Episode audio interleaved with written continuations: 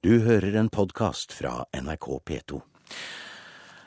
Og til deg, Ugo Fermariello. Fra reklame til poesi i Kulturnytt i dag. Jeg tenkte at det viser noe av spennvidden vår, fra den polske nobelprisvinneren Wislawa Zymborska, som det skal handle om, og hennes siste diktsamling, til pengespill og reklame.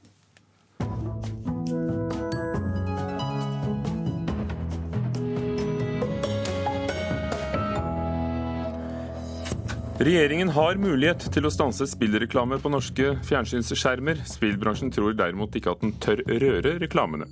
Rettssaken mot den Putin-kritiske bloggeren Aleksej Navalnyj starter i Moskva i dag.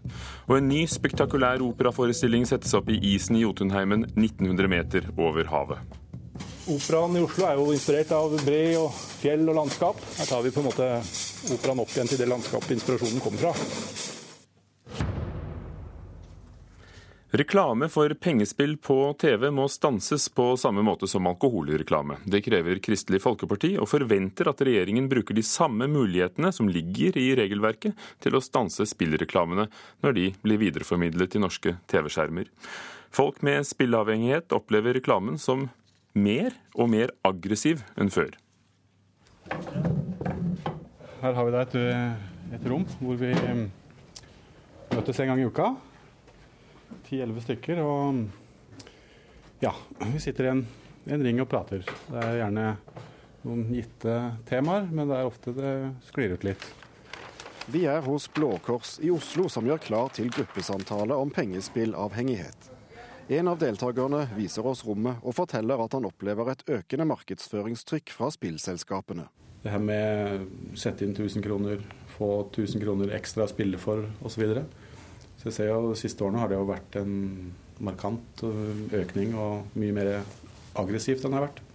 Og flere aktører. Og det er dette han snakker om. Men for oss Unibet får vi høye odds, så vi vinner mer hver gang vi vinner. Nå gir vi deg 1000 kroner i startbonus. Slike reklamer går ofte igjen på TV-kanaler vi oppfatter som norske, men som sendes fra Storbritannia og er underlagt britisk lov.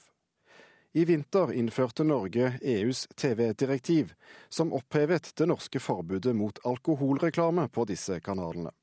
Regjeringen vil i stedet gå hen og sladde skjermen dersom slik reklame skulle dukke opp. Denne måten å gjøre det på kan også brukes på spillreklame, forklarer statssekretær i Kulturdepartementet Mina Gerhardsen. Vi har en begrensa mulighet til å stoppe den type reklame, men det er en, det er en mulighet gjennom det AMT-direktivet.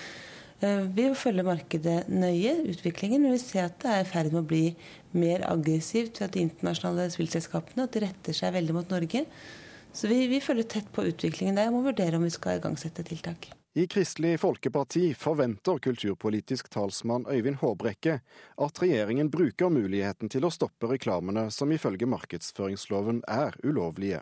Vi vet jo veldig godt Eh, hvor mange som får problemer eh, av eh, den type spill. Når det nå viser seg at vi har et handlingsrom for å stoppe denne reklamen, så er det klart at det er viktig at regjeringa bruker muligheten. Betson. Alt kan skje. Vi gir deg en velkomstbonus på inntil 2000 kroner. Betson er blant de største spillaktørene i det norske markedet. Talsmann for Betson-gruppen i Norge, Kim Ruud Pedersen, mener det kan være brudd på EUs konkurranseregler dersom Norge sladder reklame for pengespill på TV. Han ser det som urealistisk at det skal skje. Vi forholder oss til lovgivninga i de land vi kjøper reklame i. F.eks. om vi reklamerer på TV3, så er det britisk lov på den TV-kanalen som gjelder, så vi forholder oss selvsagt til de lovene der.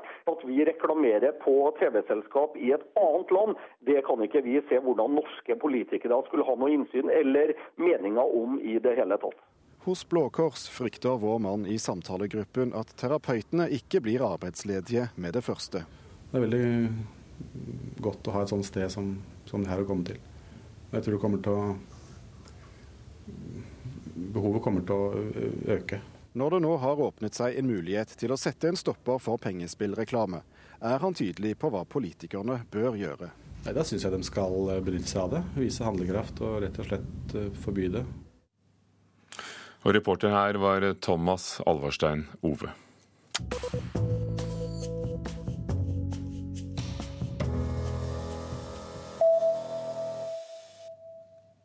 Gunn Karin Juel, arbeiderpartipolitiker og leder i Stortingets kulturkomité, er blant de 16 søkerne til stillingen som direktør ved Norsk Filminstitutt. Flere i filmmiljøet er misfornøyd med søkerne, og roper nå på bedre kandidater som kjenner filmbransjen, ifølge Dagsavisen. Norsk Filminstitutt eh, er underlagt Kulturdepartementet og deler ut rundt 300 millioner kroner i filmtilskudd hvert år. Verdens største nyhetsbyrå, Associated Press, ble utsatt for eh, datainnbrudd på bloggtjenesten Twitter. I meldingen sto det 'nyhetsbrudd', to eksplosjoner i Det hvite hus og Barack Obama er skadd.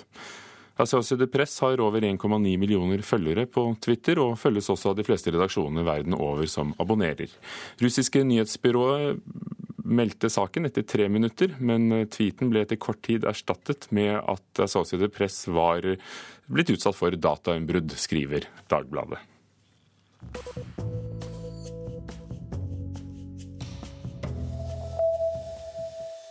I dag starter rettssaken mot den russiske Putin-kritiske bloggeren Aleksej Navalnyj i Russland. Navalnyj er bl.a. tiltalt for tyveri av skog for flere millioner kroner. Den kjente opposisjonslederen hevder rettssaken er politisk motivert, noe som de russiske myndighetene avviser. Hans-Wilhelm Steinfeld, vår korrespondent i Moskva, er det grunn til å tro på Navalnyjs påstander om at dette er en politisk styrt rettssak?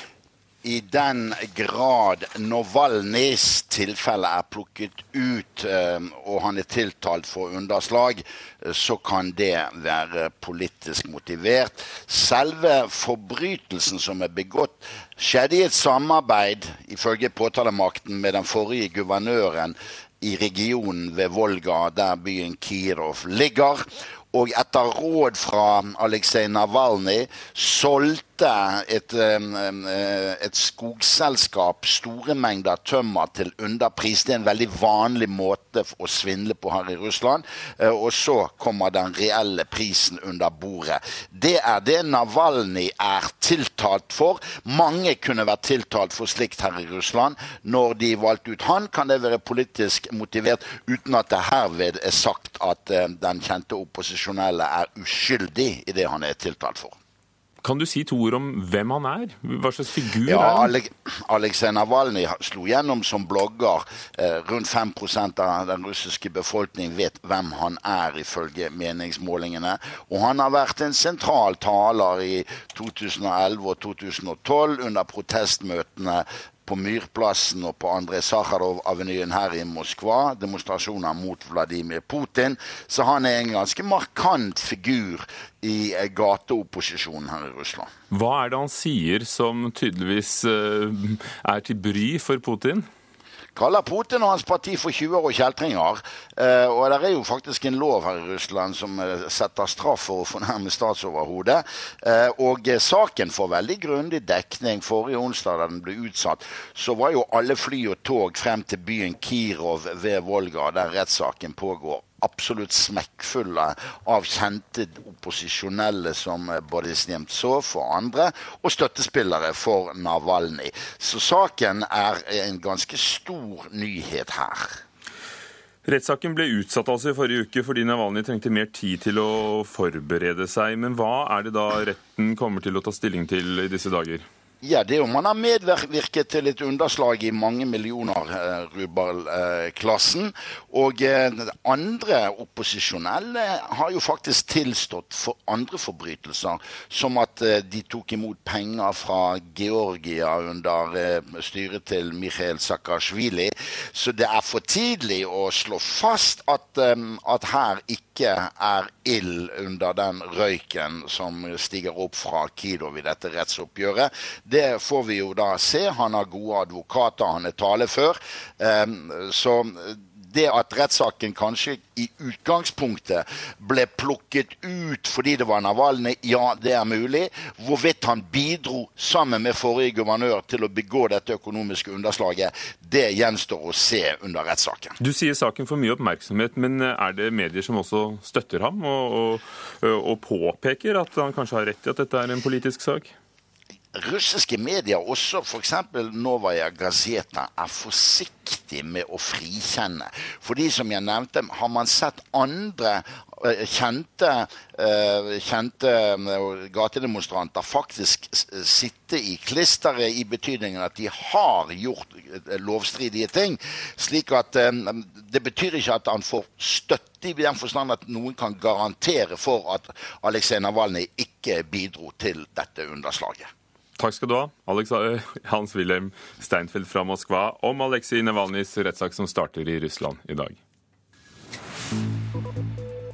Klokken er kvart over åtte. Du hører på Nyhetsmorgen i NRK. Overskriftene denne morgenen. Russland ble ikke hørt. Russiske myndigheter tipset FBI flere ganger om en av de to mistenkte bak bombene i Boston. Det må mer til enn en karanteneordning for familier som har misbrukt eh, au pairer, mener juridisk rådgivning for kvinner. Og engasjement kan kombineres med høy litterær kvalitet, mener Kulturnytts anmelder etter å ha lest nobelprisvinner Wislava Zimborskas siste diktsamlinger. 56 personer arbeider som innleser av lydbøker for blinde for den statlige bedriften Norsk lyd- og blindeskriftbibliotek. Fra i dag av vil de ikke lese inn et eneste ord til før de får sosiale goder som pensjon og sykepenger. Og skuespiller Sigmund Sæverud er en av dem. Veldig mange av de menneskene som leser der nede, de leser, for dem er det store deler av deres eh, inntjening kommer der nede fra. Og de får altså ikke opptjent pensjonspoeng for dette. De får ikke sykepenger for dette. Og da er vi da blitt enige om at vi blokkerer all innlesning inntil dette. Inntil det er forhandlinger i gang om dette. Har dere fått noen signaler om at eh, de vil møte dere på dette? Nei, vi har fått signaler om at det vil de ikke møte oss på. Norsk lyd- og blindeskriftbibliotek vil ikke endre avtalene med innleserne, men de oppretter nå noen faste stillinger. Det er totalt fem årsverk, forteller direktør Øyvind Eng. Eh, om svært kort tid så kommer NLB til å ha eh, stillinger som fast ansatte eh, innlesere. Men for å sikre variasjon i innlesningene vil de fortsatt at flesteparten av de som leser skal være oppdragstakere og ikke ansatte. Da, da er det jo slik at det er noen betingelser som henger sammen med det å være fast ansatt. Og det er noen betingelser som henger sammen med det å være oppdragstaker. Så det, så det, det følger av det. Men har ikke da de som oppdragstakere rett til et sosialt påslag som skal dekke nettopp eh, pensjon og sykepenger og den slags? Det er regulert i en avtale som er inngått mellom NLB og Skuespillerforbundet. Eh, og det er den eh, avtalen som vi har forholdt oss til. Sa direktør for lyd- og blindeskriftbiblioteket Øyvind Eng til vår reporter Ina Strøm. Fremskrittspartiet støtter næringslivet i ønsket om straff i inntil seks års fengsel maksimalt for å ha piratkopiert varer. Det gjør derimot ikke flertallet i Stortingets justiskomité, som mener det er nok å heve den høyeste straffen fra tre måneder til tre år, slik regjeringen har foreslått. Det var i går Stortingets justiskomité eh, la frem sin innstilling til eh, nye straffer for det som handler om å handle med piratkopierte varer, bl.a. falske vesker og sveitsiske lommeur som ikke var så sveitsiske likevel. Anna Elisabeth Nordbø i Næringslivets hovedorganisasjon. Hva synes dere om det som nå kommer, en straffeheving fra tre måneder til tre år for å piratkopiere varer? For det første så syns vi jo at det, det er positivt at, at, man hever straffene. Eh, det ligger jo i det en erkjennelse av at dette er et alvorlig problem. Eh, men når det er sagt, så skulle vi jo gjerne sett at straffen ble øket til, altså maksimumsstraffen da ble øket til seks år. Eh, og Grunnen til det er at Likeartede forbrytelser bør straffes likt. Vi syns at piratkopiering er sammenlignbart med grovt tyveri, hvor strafferammen er seks år. Og dessuten, i Danmark har de jo seks år, hvorfor skal vi gjøre noe dårligere? Og så sa altså flertallet i justiskomiteen i går at de vil heller avvente situasjonen og se om det holder, mens Fremskrittspartiet støtter dere. Hvor stort problem er det for næringslivet i Norge? Piratkopiering er et eh, stort problem, eh, for det tapper jo eh, bedriftene for inntekter og renommé ved at det selges mindreverdige produkter. Og det er jo også altså, det er tyveri av innovasjonsresultater, og dermed så tar man vekk insentiv til innovasjon. sånn at det er jo alvorlig også samfunnsmessig. Men det er en ting at det er alvorlig for bedriftene, men man skal jo huske på at det er jo faktisk ganske alvorlig for kjøpere kjøperne også. De som kjøper en væske som ikke varer så lenge den skulle, er det ikke så veldig synd på. Men de som kjøper legemidler i den tro at det er original, men det viser seg å være piratkopi, de kan jo få store helseproblemer av det. Virkestoffet er der ikke. Det er tilsetningsstoffer som er giftige, f.eks.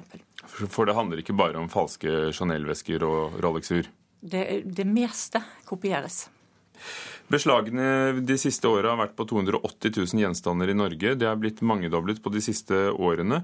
Eh, OECD har et anslag som viser at 2,5 millioner arbeidsplasser forsvinner hvert år fra Europa pga. Piratkopierte varer, eh, piratkopierte varer og tyveri av patenter. Har du noe tall på uh, hvor, hvordan Norge rammes? Vi har ikke noen eh, tall på, eh, bare på Norge, men, eh, men OECD sier jo det er 5-7% av verdenshandelen som er i piratkopier.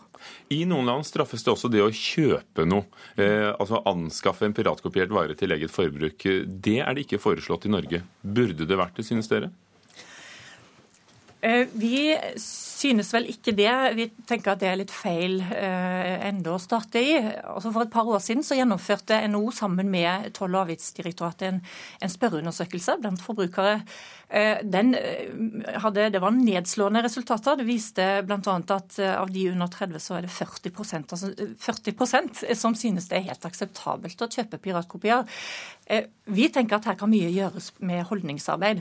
Og jeg tror jo det at hvis, hvis forbrukerne vet hva det er de støtter, så, så ville de ikke ha kjøpt så mye piratkopier. For det er spørsmålet hvem tjener på denne piratvirksomheten? Ja, og dette er jo en del av den svarte økonomien. Eh, dette er en lukrativ svart økonomi. Én krone inn gir ti kroner ut, så det er høye gevinster og, og relativt liten eh, straff. Eh, det at det er liten straff gjør at politiet ikke prioriterer disse sakene så mye.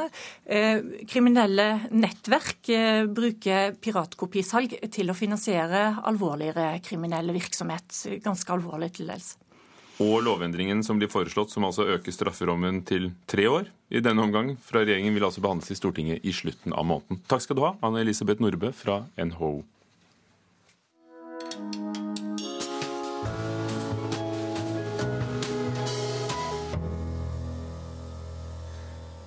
Den polske dikteren Wislawa Szymborska ble for alvor kjent da hun fikk nobelprisen i litteratur i 1996. I den nye gjendiktningen til norsk 'Livet er den eneste måten', samles de fire siste diktsamlingene hennes, som vår kritiker Marit Grøtta har gått løs på. Det er lett å skjønne at Vislava Zimborska har nådd et stort publikum. Hun skriver med stor forstand og med varme om menneskenes liv på jorden. Og hun gjør det i et språk som er prosanært og bare tilsynelatende enkelt. Diktene griper fatt i øyeblikket og retter oppmerksomheten mot det som skjer i det små. Hør hvordan hun sier det i titteldiktet. Livet er den eneste måten å dekkes med løv på, hive etter pusten i sanden, stige til værs på vinger. Men Symborska viser oss samtidig at øyeblikket snart er borte, at tilfeldighetene rår i livet, og at hendelser kan inntreffe som endrer alt. For eksempel skildrer hun hvordan krig og terror river vekk mennesker fra sine gjøremål, helt plutselig. Et dikt gjør særlig inntrykk. Det heter 'Fotografi fra 11. september' og beskriver et foto av de som hoppet ut fra World Trade Center. Dette absurde synet av mennesker i fritt fall kjenner vi alle. Symborska skriver Fotografiet har frosset dem fast midt i livet, og akkurat nå holder det dem over bakken, på vei mot bakken. Hver av dem er ennå hel med hvert sitt enestående ansikt og blodet godt skjult. Mye av styrken i diktene hennes ligger i det blikket hun anvender på verden. Det er et blikk preget av taus omsorg, som ikke unngår å berøre leseren. Det er også et blikk som plasserer mennesket i et større perspektiv, og lar historien, biologien og kosmos danne horisonten. I en rekke dikt forsøker hun å se uten å gi menneskene forrang. Hun skriver om skyene som driver av gårde uavhengig av oss, om planter som ikke bryr seg om hvilke navn vi gir dem, og om det mylder av mikroliv som kommer til syne i mikroskopet. Hun minner oss om hvor lite vi vet om alt dette, og hvor forbløffende det er. Hvordan skal man så vurdere den sene Symborska? Jeg synes at den første av de fire diktsamlingene er den beste, med flest gode enkeltdikt. Den siste, utkommet i 2012, er den svakeste. Der blir sivilisasjonskritikken tidvis for eksplisitt, og det blir det ikke så gode dikt av. Men i alle diktsamlingene er det lett å kjenne igjen tonen, temaene og kvalitetene fra tidligere diktsamlinger. Oversetter Christian Kjelstrup har sørget for at diktene fungerer godt på norsk. Det jeg syns er slående, er at hun gjentatte ganger tar i bruk ordet kosmos og beskriver menneskenes deltakelse i et kosmisk spill. Dette kosmiske perspektivet gjør diktene allmenngyldige, men også særs aktuelle. Norske forfattere har nylig i et kollektivt avisinnlegg tatt til orde for et sterkere klimaengasjement. Men lar et slikt engasjement seg kombinere med en fri og udogmatisk diktning? Til dette sier jeg les Symborska, hun klarer begge deler sa Marit Grøtta om 'Livet er den eneste måten', Vislava Zimborskas dikt fra 2002 til 2012. Og så var det Frøydis Arman som leste. Og det blir mer om Zimborska i Diktafon førstkommende lørdag i P2 klokken 15.30. Nytt spektakulært operatablå skal settes opp i isen i Jotunheimen. Operaen 'Stemmen fra Mimmisbrunner' skal åpne det nye utsiktspunktet mot Kjelbreen i Minusbrunner klimapark i Jotunheimen i sommer. Området ligger godt 1900 meter over havet og er veldig utilgjengelig. Det er et område som er veldig vanskelig tilgjengelig. Det er veldig få som faktisk har vært inne i det området her. Sier klimaforsker Rune Strand Ødegård ved Høgskolen i Gjøvik. Men 24.8 urframføres operaverket 'Stemmen fra Mimisbrunner' ved Kjelbreen 1900 meter over havet i Jotunheimen. Vi har hatt lyst til å lage musikk i formidlingen inne i isen har tenkt at ting må være litt storslått. Sier fylkesarkeolog i Oppland Espen Finstad, som hadde ideen om å sette opp nyskrevet opera på Norges tak. Det er et fantastisk landskap. Hvorfor ikke kombinere med å lage musikk som kan fremføres utendørs?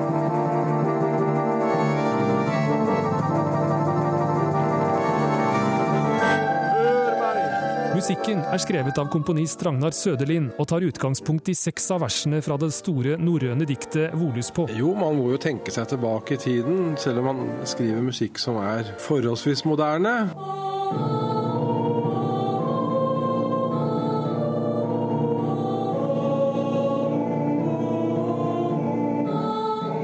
Teksten er av professor og ekspert på norrøn religion Gro Steinsland. Altså Noe av det som gjør det så spennende med å være med på dette, det er jo at her tenker man tverrfaglig hele tiden. Det er selvfølgelig klima og natur og alt det som skal vises, den store utfordringen i våre dager. Den historien og det vi vet om fotsporene etter menneskene i gammel tid, det forteller oss noe i dag og, og får frem ansvaret vi har for eh, vårt eget både klima og samfunn og det hele. Og så kommer hun og hauser seg opp. Verket framføres som en del av åpninga av det nye utsiktspunktet mot Kjelbreen i Mimusbrunner klimapark i Jotunheimen. Jeg vet ikke, det er voldsomt flott. Tenkte dette oppe på 1900 meter over havet. Det må bli bra. Mai Bakken, daglig leder ved Norsk fjellmuseum i Lom, gleder seg til urframførelsen. For oss så betyr det mye. Jeg kan tenke det å få tilby dette her for uh, dem som besøker Klimaparken, kanskje på sikt. Og uh, den bredda i det å greier å presentere der, det er utrolig viktig. Bygginga av gangbaner og stier til et utsiktspunkt mot Tjeldbreen er i gang. Det er væravhengig. Pengene kommer bl.a. fra Sparebankstiftelsen. Arkeolog Espen Finstad og komponist Ragnar Søderlin håper operaen i Jotunheimen kan bli en årlig foreteelse. Vi har 66 vers. Vi har vel en ambisjon om å få opp alt, med musikere og det hele. Det vil bli lagt ut vel 200 billetter for salg til åpningen i august. Klimaforsker Rune Strand Ødegård tror operatablået blir en stor opplevelse. Det er en fantastisk arena. Jeg tror dette kan bli en, en flott opplevelse, altså hvor naturen på en måte kan forsterke den forestillingen som blir her. Det var opera i Jotunheimen, og til slutt eh, så hørte vi at dette verket altså blir fremført i istunnelen 70 meter under isen, Juvfonnet, og reporter var Stein S. Eide. Vi tar med at Kunstkritikerprisen for 2012 går til Kunstmuseet i Bergen og stiftelsen 3,14.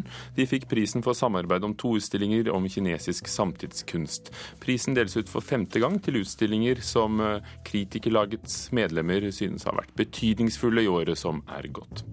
I Kulturnytt har vi hørt at Kristelig Folkeparti ber regjeringen stanse spillreklame på norskspråklige kanaler som sendes fra utlandet, akkurat som de skal gjøre med alkoholreklamen. Teknisk ansvarlig var Beate Haugtrø. Produsent for Kulturnytt Gjermund Jappé. Programleder Ugo Fermariello. Dette er Nyhetsmorgen. Klokken er straks halv ni. Du har hørt en podkast fra NRK P2.